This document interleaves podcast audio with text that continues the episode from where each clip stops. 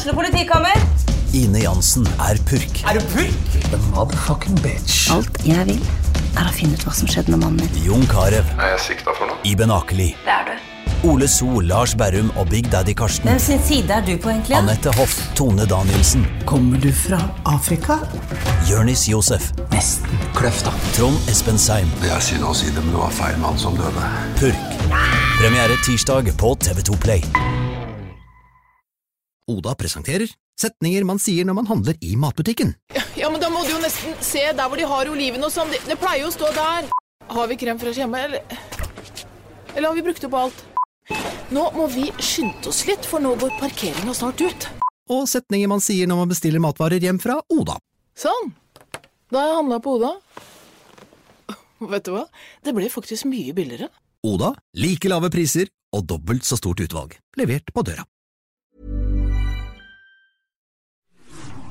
Du hører en podkast fra Fredrikstad Blad.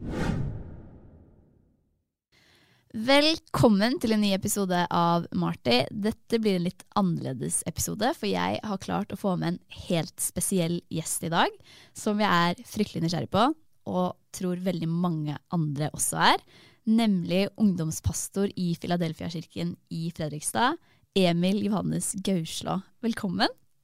Tusen hjertelig takk for at jeg vil komme. Det blir spennende. Ja, hvordan går det? Det går eh, veldig bra. Det er mye som skjer om dagen, og jeg gleder meg til det som skjer. Har du vært med i podkast før? Nei, Det her er faktisk første gang jeg er med i en podkast, og jeg er veldig spent på hvordan det her fungerer faktisk sånn på, i praksis. Ja. Jeg, jeg har et lite problem som jeg har vært åpen eh, med deg om, og det er jo at jeg banner mye. Eh, mitt favorittord som jeg bruker så det hele tiden, er 'herregud'. Nå sier jeg det foran en pastor, det er jo ikke greit. Eh, men jeg sier 'herregud' hvis det er noe som er hyggelig, hvis det er noe som er trist, hvis det er noe eh, overraskende. Eh, og jeg har prøvd å skjerpe meg lenge, men jeg får det ikke til. Eh, jeg skal prøve å skjerpe meg nå, men det kan hende at jeg sier 'herregud'. Eh, hva tenker du om banning? Altså, at du banner, det er jo én ting, men jeg, altså for oss da, så handler det om at vi tror at Jesus gjør forskjellen i våre liv. Så det, banning det er på en måte, altså, det ligger veldig naturlig i språket, og spesielt her i byen. Altså Vi har et jovialt språk som er veldig uttrykkende, og jeg på en måte skjønner at folk gjør det. Men uh, jeg foretrekker ikke å gjøre det selv, og på en måte, men jeg blir ikke offenda av at du banner. Men banner du aldri? Nei, altså jeg hadde, jeg hadde min periode på fotballen da jeg var yngre, men jeg, jeg, gjør ikke det nå. Men hva hvis du liksom slår deg skikkelig, eller er sykt sur? Hva, hva slags ord bruker du da? Altså, sånn I utgangspunktet så tror jeg at vi har to ulike måter å reagere på. Noen er veldig sånn utad, de eh, reagerer ut, også mens jeg blir mest stille, egentlig. Så når jeg faktisk... ja, hvis, du slår, hvis du slår beinet i bordet, da, så sier jo du bare sånn faen. Men du gjør ikke det? Nei, jeg blir faktisk når jeg, når jeg, slår meg skikkelig, så blir jeg faktisk stille. Jeg blir eh, rolig og sier ingenting. Ah, ja. Så aldri banning? Du ikke, kan du huske sist du banna? Ja, jeg husker noen eh, fra, fra fotballen som er veldig tydelige. Ok, greit. Men pastor, jeg syns jo det høres veldig mektig ut. Um, hva betyr det å være en pastor? Det å være en pastor i utgangspunktet er egentlig å være en hyrde. Altså Du skal ta deg av folk som du har, som er satt, eller som du har ansvar for. Og det er på en måte det som er jobben min, er å ta meg av mennesker som kommer til oss og ønsker å være en del av vår flokk. holdt jeg på å si. Ja, Men jeg, jeg er jo litt sånn usikker på skillet. Hva, hva er da en pastor, og hva er en prest? Hva er forskjellen på de to? Altså, Pastor er ikke noe du nødvendigvis trenger å utdanne deg til. Altså, Jeg har gått bibelskole to år, men jeg trenger egentlig ikke å gå bibelskole for å bli pastor. Det er noe som på en måte eh, altså vi, som blir valgt, men også noe man, man kjenner en kallelse, da, som man sier i kristne sammenhenger. Men kan jeg bli pastor? Eh, altså Hvis du hadde blitt eh, kristen, så kunne du blitt pastor. Så jeg må først bli kristen, og så kunne jeg blitt pastor? Ja, Men prest er en utdannelse. Så måtte, jeg vet om flere som har utdannet seg til å bli prest. Og noen er ikke nødvendigvis kristne heller. Nei, ok, Så forskjellen på en måte er en utdannelse og et kall? Ja, det er den lette, lette beskrivelsen av det. Ja, Vi trenger ja. ikke noe mer, vi trenger ikke gå dypere enn det. Men uh, uh, har du alltid vært kristen? Er du oppvokst i et kristent hjem? Ja, jeg, jeg, er oppvokst i en kristen familie, men jeg merker på en måte stor forskjell fra da jeg på en måte kjente at det her ble personlig. Men mm. jeg har fått med meg verdiene og sånn hjemmefra, så jeg har kristne foreldre, kristne søsken, og besteforeldrene mine på ene siden er kristne. Så jeg har fått med meg verdien hjemmefra, men, men jeg merker jo forskjell fra da jeg på en måte valgte det selv, å leve livet ut. Men når var det du valgte det? Jeg tok en bestemmelse på andre videregående rett før jul, og etter det så har jeg levd for det her. Men hvordan tar man den? At nei, nå skal jeg vie livet mitt til Gud. Nei, altså Jeg var på et møte i Uppsala der jeg er født. Jeg er født i Sverige, men jeg har norske foreldre. Eh, og jeg kjente at det, det her er det som gir livet mening. Det hadde vært en periode med altså selvrealisering. Jeg har spilt fotball, jeg vet om den presta prestasjonskulturen. Og man på en måte jager sitt eget, det å være populær, være god i ting. Og til slutt så bare falt Det bare rakna for meg. Jeg skjønte at det her gir meg ikke noe som helst mening. For at jeg vil alltid jakte mer, jeg blir aldri fornøyd. Og så gikk jeg på en måte i kjelleren en dag og skjønte at det her er ikke noe på en måte som gir meg mening. Og så var jeg i Uppsala noen uker etterpå, etter at det her skjedde, og da fikk jeg opplevd en spesiell følelse som er veldig vanskelig å forklare, men du bare Ja, jeg visste at det, det fins noe mer, og siden en dag så har jeg på en måte aldri vært usikker på om det fins noe mer. Men, men det å vie hele livet sitt til, til Gud da, og bestemme seg for at nå skal jeg gå all in, hva, hva betyr det egentlig? Hva betyr det å gå all in for Gud? Ja, det å gå all in for Jesus altså Veldig mange tenker at det er å reise til Afrika som misjonær, men egentlig så handler det om å vise hvem Jesus er i hverdagen. Så der jeg er, så ønsker jeg å være en god representant for hvem Jesus er, og vise i praksis hvem han er. Mm. Så det er det som er å gå all in, er egentlig å vise mennesker hvem Jesus er der du er, og leve livet ditt med Jesus som herre og frelser. Og på en måte at livet ditt er forma av det Guds ord sier, som er Bibelen. Og det er egentlig det som basically er å gå all in. Det er å leve livet sitt for å vise mennesker hvem Jesus er, og bli mer Kristuslik. Da kristen betyr å være Kristuslik. Okay. Men var det flere som reagerte i omgangskretsen din når du bestemte deg for å, for å vie livet ditt til Gud? da? Eh, vi hadde- ja, altså det var veldig mange, egentlig. Altså Min eh, første opplevelse med, med tro sånn sett var veldig brutal. Fordi at jeg bevisst sa det rett før juleferien. Jeg husker det så godt. Mm. At jeg har blitt en kristen. Til tredje videregående? Nei, fra juleferien, så midt i andre, andre okay, ja. Så da sa jeg det bevisst rett før juleferien, for da tenkte jeg at når jeg kommer tilbake på skolen, så har egentlig folk glemt det. Men mitt første møte med det var egentlig altså mobbing og at folk slang kommentarer i ganger, og det var ikke Folk sletta meg på Facebook og alle ting, så det var, jeg hadde en ganske brutal start med Så du mista mange venner pga. troen din? Ja, fordi at jeg valgte å være en kristen. Jeg tror på en måte at det miljøet jeg var, som var et veldig prestasjonskultur, at man skulle hevde seg å være populær, så tror jeg ikke det var så veldig gjevt at jeg plutselig skulle leve som en troende. Nei. Men syns du det var sårt, eller syns du på en måte var verdt det fordi at du, du så en mening med det? Altså, jeg eh, Jeg jeg er Jeg pleier å, pleier å uttale meg stort sett, så jeg tok det egentlig ganske pent. Altså, jeg tenker at der, eh, venner det, Jeg har alltid vært veldig sosial, så jeg hadde mye venner. Og jeg tenker på en måte at hvis man er nære venner, så vil man bli på en måte når, altså når man forandrer seg. Jeg tenker at der, vennskap stikker dypere, så for meg så er det sånn ok, hvis du er villig til å ofre vennskapet på en sånn ting, så vet jeg ikke om på en måte det er nødvendigvis vært stukket så veldig dypt, da. Nei. Men du bare, bare sånn kort, du sa mobbing. Mm. Eh, Hva slags mobbing var det? Var det kommentarer eller meldinger? Eller, og hva var det snakk om da? Altså, det var flere som meldte i, i gangen på videregående, som slang liksom på en måte negative kommentarer om Bibelen. Tror du på ditten og datt og sånne ting. Men så var det også, som jeg fikk også høre, altså jeg så ikke alt engang. Det var folk som skrev på Twitter og tvitra negativt om meg. Oi. Og um, det fant jeg ut i ettertid fordi at jeg skrev en melding på Facebook. For at jeg har et bibelvers som er veldig nært for meg, at la alt hos dere skje i kjærlighet. Så for meg så har det alltid vært viktig at jeg skal leve mitt liv i kjærlighet. Og da skrev jeg bare at dere Altså, jeg tilgir dere og er glad i dere. Hvis det får dere til å føle dere bedre, så må dere bare fortsette å mobbe meg, liksom. Hvis det her er noe som får deg til å føle deg bedre. Og da fikk jeg meldinger på Messenger av folk jeg ikke hadde snakka med, som fortalte det og ba om unnskyldning. Så Mm. det var flere som på en måte kom til meg etter det. Men tror du det er mye fordommer, eller det er åpenbart, da, mot eh, kristne? Ja, jeg tror det er veldig mange spørsmål som folk sitter med som man har en mening om fordi at det, altså det er, kan være ideologiske spørsmål eller hva som helst som er veldig kontraster fra hva vi er vant til.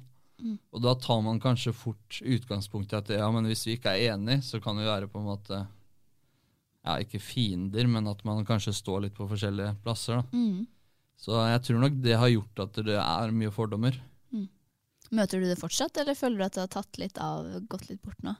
Um, altså, jeg føler at jeg møtte det mest før. Det er ikke så lenge siden. Altså, det er eh, ikke i år, men i fjor så hadde vi en ganske tøff runde der òg. Men Mm. jeg tror det er fordi at der, for det første det er sosiale medier, og jeg tror ting lett kan misforstås gjennom sosiale medier. Men jeg møter mennesker og prater med dem og formulerer meg på en måte så de forstår meg og de ser meg, for jeg tror det har mye å si. At man ser mennesker og snakker med dem.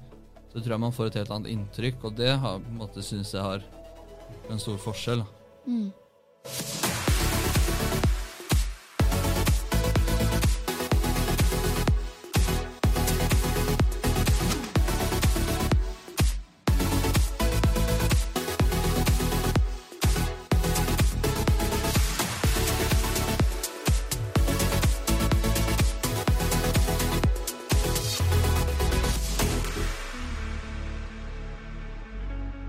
Tenkte vi skulle snakke litt om Philadelphia-kirken. Um, jeg bare tok en sånn raskt eh, Google-søk, eh, og da står det at Philadelphia-kirken det er på en måte eh, Det finnes mange undergrupper, så det er bare en samlebetegnelse på en del av pinsemenigheten, bevegelsen. Og så står det at de følger en bibeltro. Og i det norske, i norske store leksikon så står det at pinsebevegelsen følger en konservativ kristen lære. Så jeg må jo spørre deg, er du konservativ?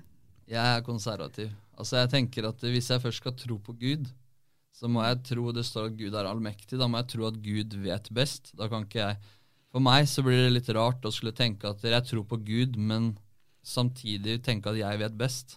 Mm. Fordi at det jeg hadde gjort hvis jeg hadde sagt at jeg er ikke enig med det i Bibelen, og jeg tror ikke på det, da hadde jeg sagt på samme tid som jeg sier at Gud fins, så hadde jeg sagt at jeg vet bedre enn Gud. Jeg vil jo utfordre deg, da, til å svare ja-nei på en rekke spørsmål. Og det er veldig viktig at du svarer ja eller nei. Er det greit? Yes. Ok. Syns du det er greit med sex før ekteskap? Nei. Syns du ugifte bør bo sammen? Nei. Syns du det er greit med abort? Nei. Er det greit å være homofil? Altså, nei. Er det greit å drikke seg full? Nei. Kan kvinner være pastorer? Eh, det er jeg faktisk litt usikker på. Ok, greit. Men du, altså, for folk som ikke er kristne, da, så er jo det ganske sånn eh, konservative tanker, og det er sikkert mange som reagerer på det. Eh, men er det igjen det du sier med at du må følge Guds ord, og dette har Gud sagt? Men er det noe av de punktene her som du eh, har gjort deg noen tanker rundt, som du kanskje ikke er helt fullstendig enig i? Ja, altså, alle punktene her har jeg egentlig tanker om. For at én ting er jo Hvis man ønsker å leve som en kristen, så er det viktig at man følger retningslinjene. Altså at Bibelen er øverste autoritet. For at hvis man tror at Gud fins, så må man også tro at Gud har rett. Ellers så gir det ikke så mye mening. Men jeg er det er ikke sånn at jeg forventer at en som ikke følger Bibelen, skal ha samme, samme på en måte livssyn. Altså Jeg tenker ikke at en som ikke er troende, skal eh, vente, altså bli gift. Det, Så du respekterer at andre ikke tenker det samme som deg? ja, jeg respekterer at alle har ulike tanker, og jeg tror at der, altså Bibelen sier at vi er skapt med en fri vilje. Mm. Så jeg tror at alle har rett til å forvalte eh, den frie vilja på sin måte. Men hvis man ønsker å leve etter Bibelen, så må man jo på en måte for så vidt leve etter det den sier. Så altså Men så på personlig plan, da. Syns du på en måte at uh, homofile og transmennesker og sånn skal ha like rettigheter som alle andre? Kunne Ja. du, men, kunne du gått, ja, men kunne du gått i et pride-tog? altså, altså Eller går det i full kontrast med det du på en måte skal formidle og stå for? jeg tror at vi skal ha like rettigheter, for jeg tror at alle mennesker er skapt med en, med, altså en uendelig stor verdi, fordi at vi er skapt i Guds bilde. Så jeg tror, altså, jeg tror at alle skal ha like rettigheter. Og så tror, men jeg tror at hvis du skal leve som en troende, så tror jeg på en måte at da må vi se på hva Bibelen sier. Men hvis du ikke er troende, så hjelper det på en måte ikke om du følger Guds ord. For at det, det står at du blir frelst ikke ved gjerning, men av tro. Så hvis du ikke tror på Bibelen, så gir det ikke så mye mening å, å følge Bibelen. ikke sant? Mm. Så hvis man ikke tror, så tenker jeg at ja, men da lever man som man ønsker selv. Mm. Men hvis man tror, så må man jo ta det til etterretning.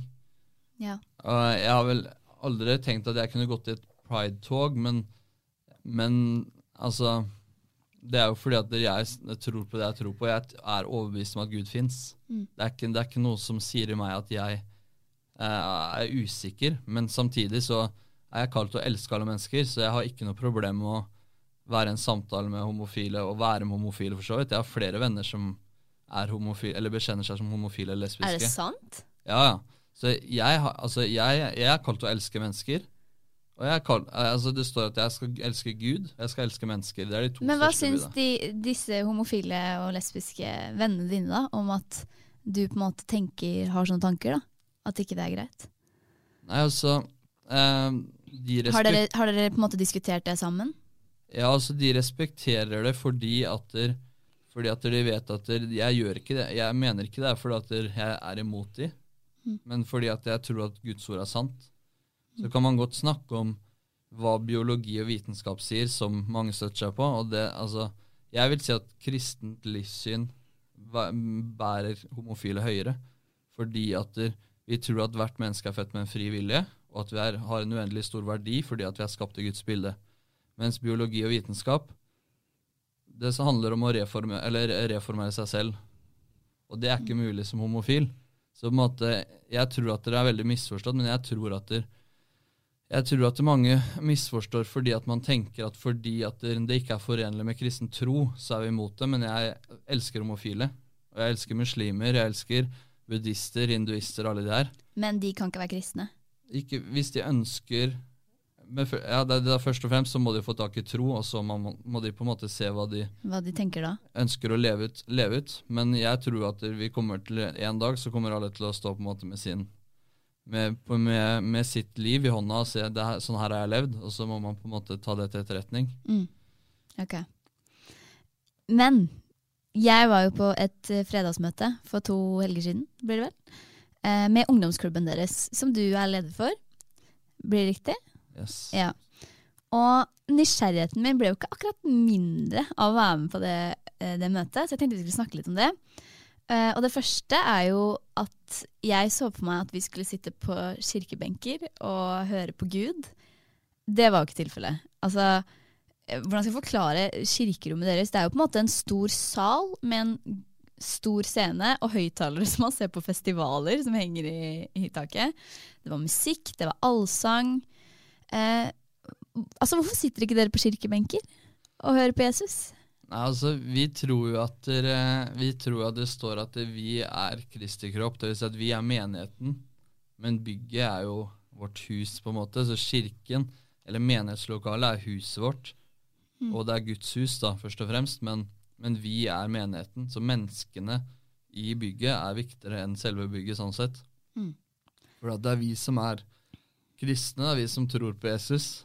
Men bygget gir oss jo mange selvfølgelig fordeler, og det er en plass som er via til å, til å møte Gud og lære folk å kjenne Gud.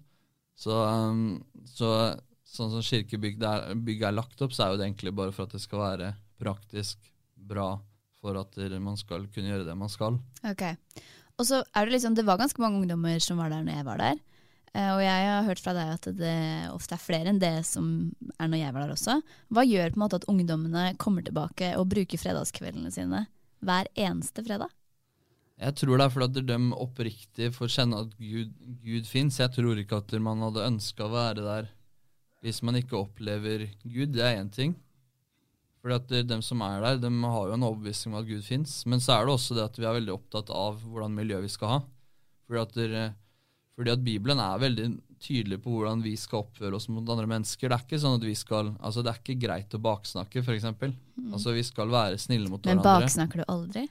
Jo, altså, Er ikke jeg- det en menneskelig greie? jo, altså jeg, jeg er menneske som alle andre. Jeg gjør feil. Men jeg skal uansett strekke meg etter det som er bra. Ja. Så det vil si at vi er veldig opptatt av eh, at plassen skal være en trygg plass for folk å komme. At vi skal være rause mot, mot hverandre, gode mot hverandre, snille mot hverandre. Mm. Og um, det tror vi, at, eller det er jeg overbevist om at det, det er det Guds ord vil at vi skal være også. Vi skal være mennesker som strekker oss for folk. Ja. Og vi skal være rause mot hverandre, vi skal være trygge mot hverandre og snille mot hverandre. Men hvordan rekrutterer dere nye ungdommer?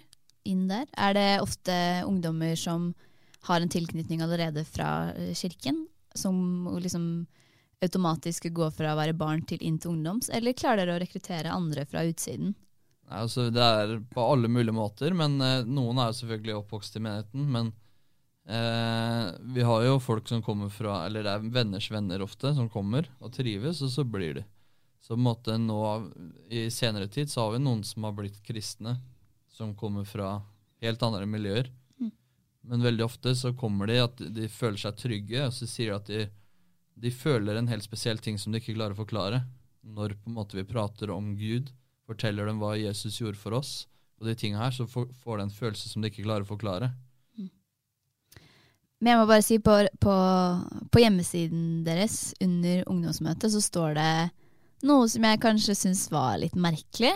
Og står det vår drøm for hver enkelt ungdom er at de så tidlig som mulig får en grunnfestet tro bygd på nåde som ikke rokkes av omgivelsene. Det jeg på en måte leser mellom linjene der, er jo på en måte at man skal bare tro. Og det skal på en måte ikke Det høres nesten litt ut som sånn hjernevasking. Altså, Kan du skjønne hva jeg mener? jeg skjønner hva du mener hvis man leser det rett ut, men det er sånn Altså, tro Ikke rokkes av omgivelsene. Det var på en måte den, den, de, de setningen, den setningen der.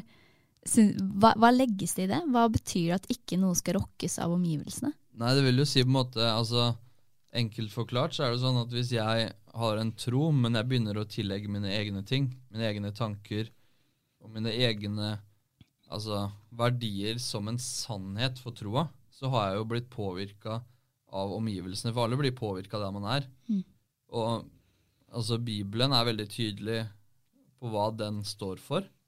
Ok, Så dere vil på en måte at eh, de skal følge den troen de får blir fortalt i kirken, og ikke tilegne seg egne, egne meninger eller vinklinger, på en måte, fra ja, utsiden? Ja, den skal være bygget på Bibelen. da. Så på en måte, altså, man kan godt ha, man har jo egne meninger. Jeg har mye egne meninger. Men jeg tenker samtidig at hvis, hvis mine meninger går på kompromiss med Gud igjen, så er spørsmålet vet jeg bedre enn Gud. Hvorfor tror jeg på en Gud som jeg vet bedre enn? Det er, for meg så er det på en måte helt eh, Altså Mm. Det er ikke troverdig i det hele tatt. Da kan man på en måte skrote hele Bibelen hvis jeg tror at jeg vet bedre enn Gud. Mm. Men jeg tenkte vi skulle snakke om en ting, fordi når, eh, når jeg var der, så hadde dere en gutt som het Elias på besøk, fra jeg tror det het Jesus Revolution. Stemmer. Ja. Eh, han var tydeligvis tidligere, tidligere en skikkelig god fotballspiller på liksom toppnivå. Var innom aldersbestemt landslag med Erling Braut Haaland. Og så hadde han en kjæreste som ikke var kristen, og han var veldig tydelig på at det han gjorde da, det var å leve i synd, så han måtte måtte slå opp med kjæresten. Som jeg syntes var veldig trist. Og han måtte slutte å spille fotball. Eh, kan du ikke forklare hvorfor er det å spille fotball og det å ha kjæreste utenfor menigheten en synd? Altså De to tinga i seg selv er ikke en synd, men det er jo altså som kristen så vil man leve på en annen måte. Du snakker om sex før ekteskapet, du snakker om samboerskap. For en som ikke er troende, så er det veldig naturlig ofte. Og det er jo altså, det er veldig normalt i dag. Det er jo ikke noe mer, mer unormalt enn ekteskap, på en måte. Det er nesten mer normalt, vil jeg tro. Mm. Så det handler om at man vil ulike ting, eh, og ønsker ulike ting. Som, så så jeg, jeg, altså, min erfaring også, og det jeg tror, Mm. er jo at det at man har så ulike fundament i livet, at den ene ønsker å leve som en ikke-troende og en som troende, vil gjøre at man blir så forskjellig. At det er mange spørsmål du vil møte i livet som vil gjøre det vanskelig å være et par. Mm. Og så er det på en måte Så det å leve med en ikke-troende er jo ikke synd i seg selv. Ok, så det er ikke en synd. Nei, men Nei. det er jo det som Det er jo det som skjer, da. Skjer når man er sammen med en som er Ja, eller det okay. må jo ikke skje med de heller, men ja, hvis det skjer, da. Mm. Og så har du jo ja, Altså, han Du kan være en troende og spille fotball, for, men for hans del så var det det å ja, Han opplevde at han skulle gjøre noe annet med livet sitt, og det var noe annet som ga han mening.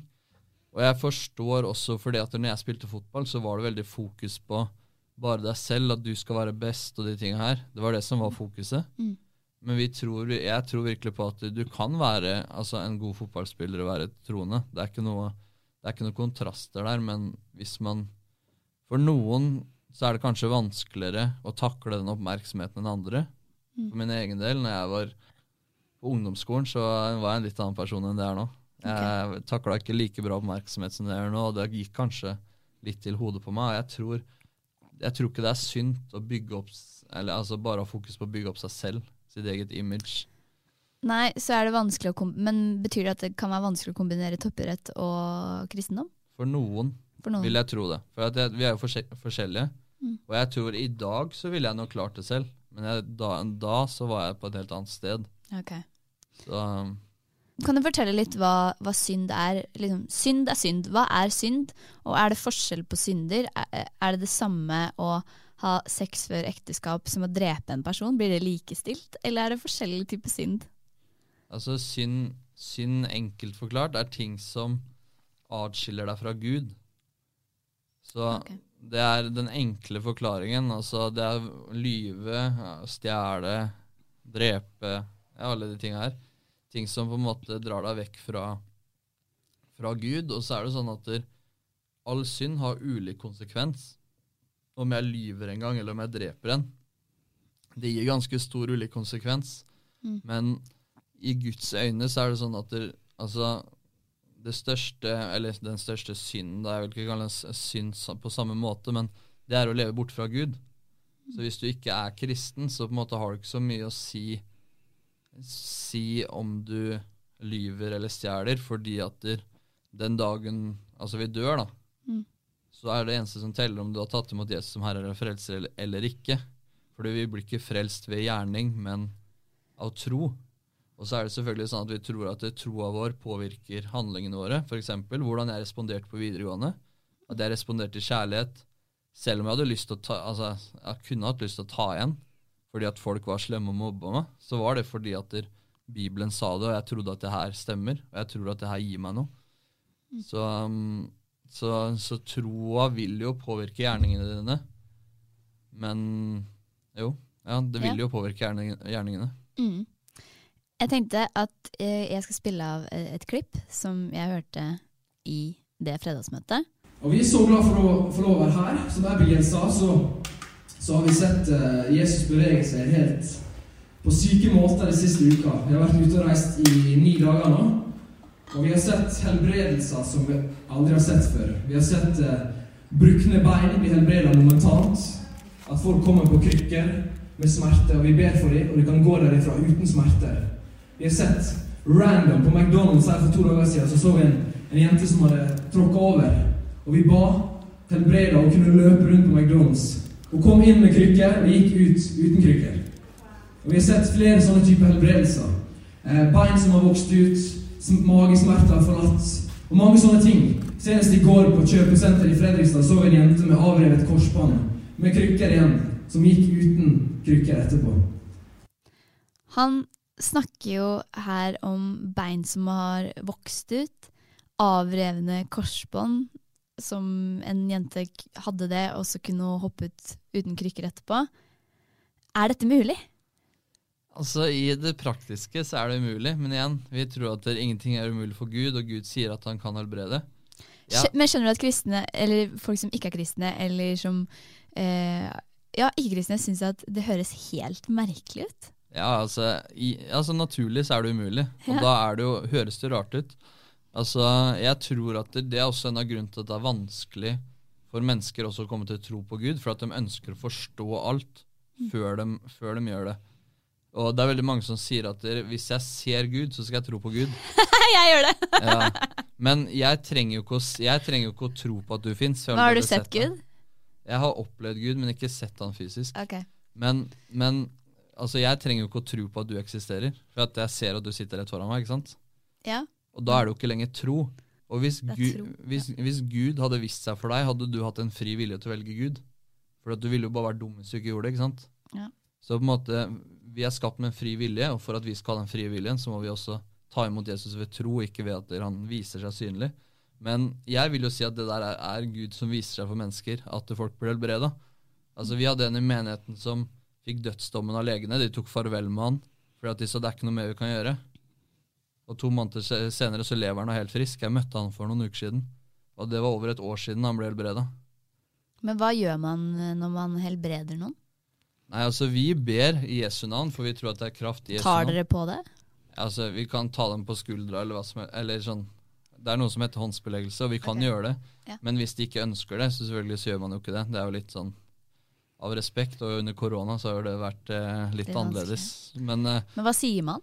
Sånn, Nei, altså man Gud ber hjelp deg. det, det man sier i seg selv, er ikke sånn hokus pokus, men det viktigste er at det skjer i Jesu navn. For vi tror at når Jesus døde på kors for oss, så tok han alle våre sykdom, alle våre plager og all vår synd. Så når vi da tar imot Jesus som herrefrelser, blir frelst, og derfor frigjort fra synd. ikke sant? Men kan Eh, hvem som helst helbrede? Er det samme om det er deg eller om det er en annen i kirken? Ja, det er ikke, det er ikke tilknytta min tittel. Altså, okay, Så det er ikke bare pastorer som kan helbrede? Nei, Jesus er personlig i alle sitt liv. Har du helbreda noen? Jeg, jeg, jeg har ikke helbreda, men jeg har bedt for folk som har blitt helbreda. Men det er jo Jesus som helbreder, tror vi da. Å ja.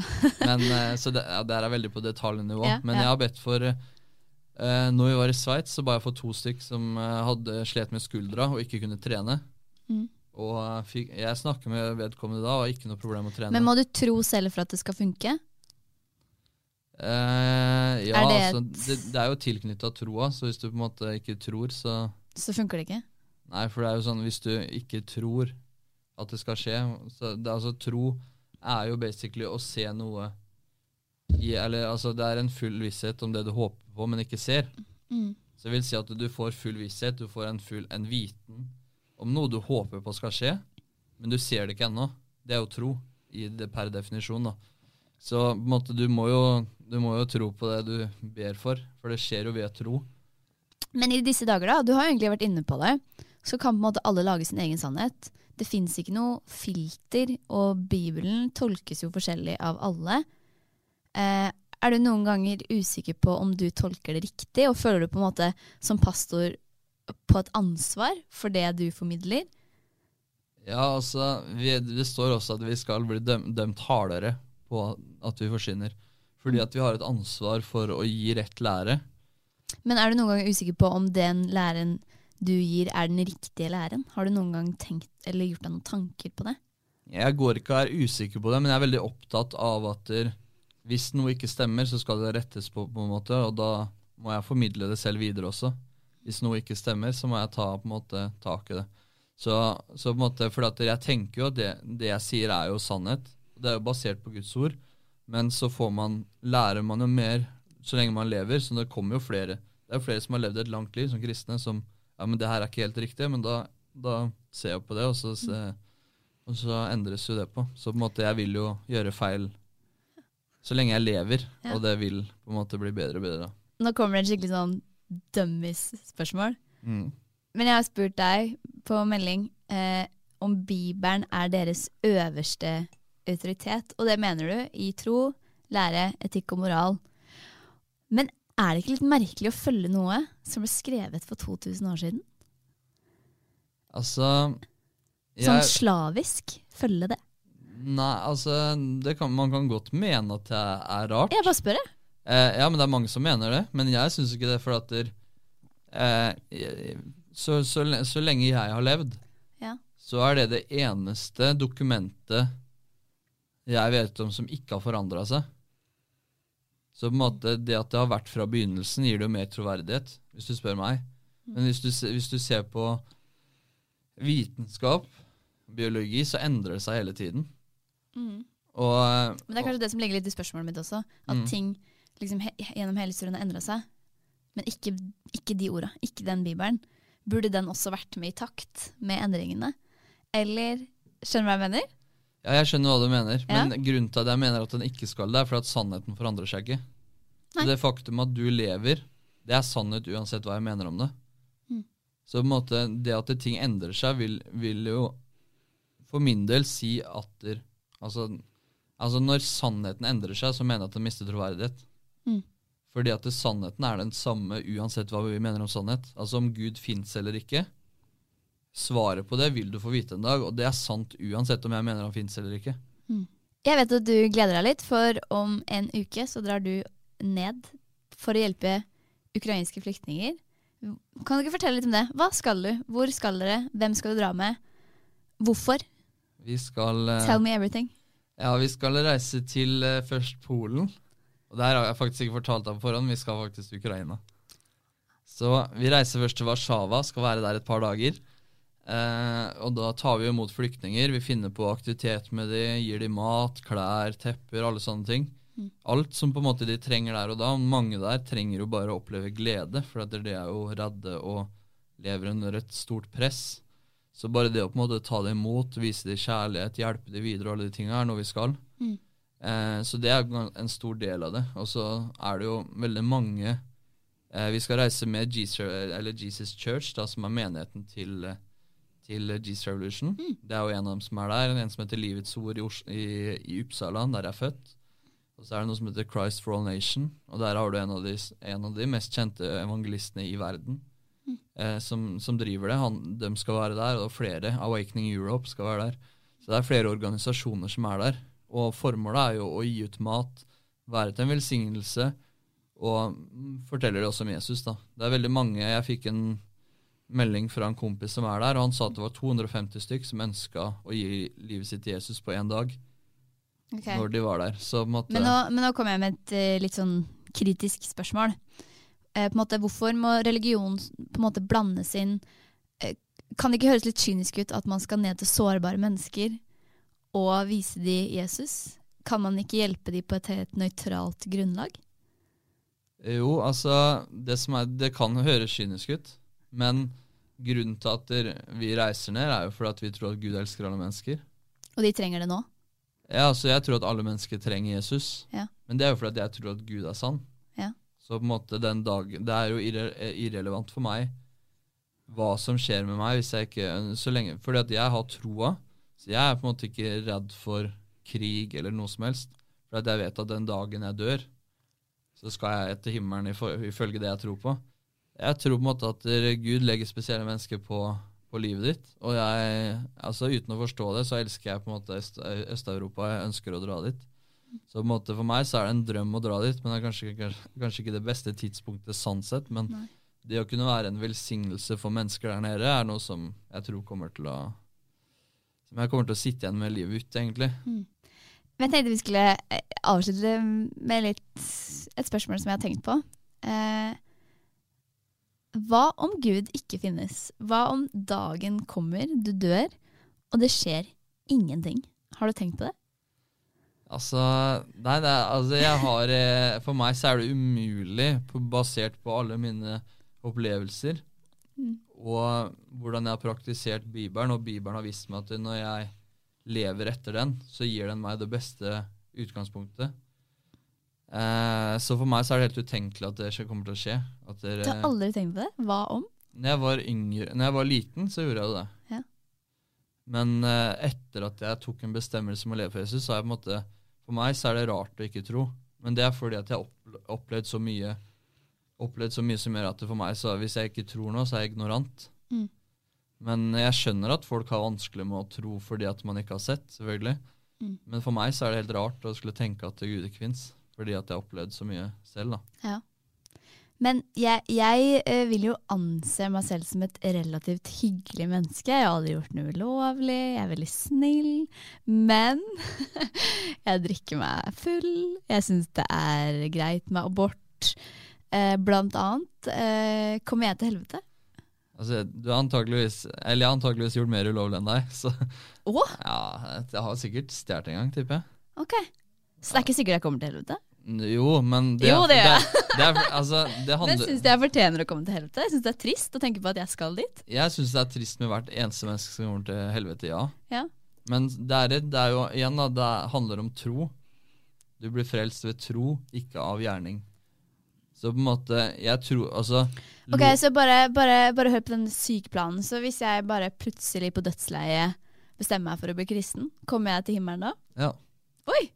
Hvis du blir frelst på dødsleiet, så blir du jo blir du jo kristen, og da kommer du til himmelen.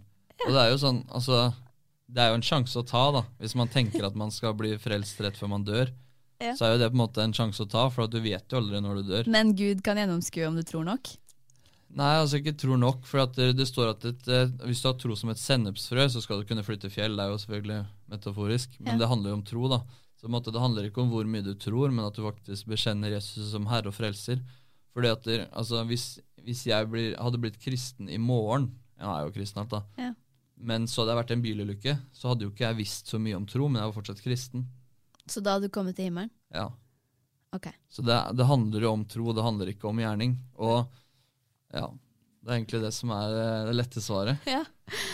Jeg vil jo bare eh, takke deg så mye for at du ville komme og være så ærlig og svare på alle spørsmåla mine. Det var sykt morsomt. Hva syns du? Syns du det var greit? Jeg syns det er spennende, og jeg syns det er gøy.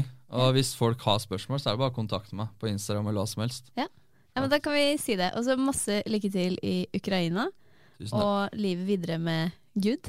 Kan vi si det? Ja, takk for det. ok. Oda presenterer setninger man sier når man handler i matbutikken. Tomt for koriander. Greit, får vi bare legge tilbake alt og finne på noe annet. Ja, men da må du leite litt, da. Se der hvor de har sauser og sånn. Mm, nå er jeg så lav for blodsukker. Må jeg bare få i meg noe. Og setninger man sier når man bestiller matvarer hjem fra Oda. Sånn. Da har jeg handla på Oda. Og vet du hva, jeg tror aldri jeg har sett så mange yoghurttyper før. Oda, dobbelt så stort utvalg til like lave priser. Levert på døra. Har du et enkeltpersonforetak eller en liten bedrift? Da er du sikkert lei av å høre meg snakke om hvor enkelt det er med kvitteringer og bilag i fiken, så vi eh, gir oss her, vi. Fordi vi liker enkelt. Fiken superenkelt regnskap.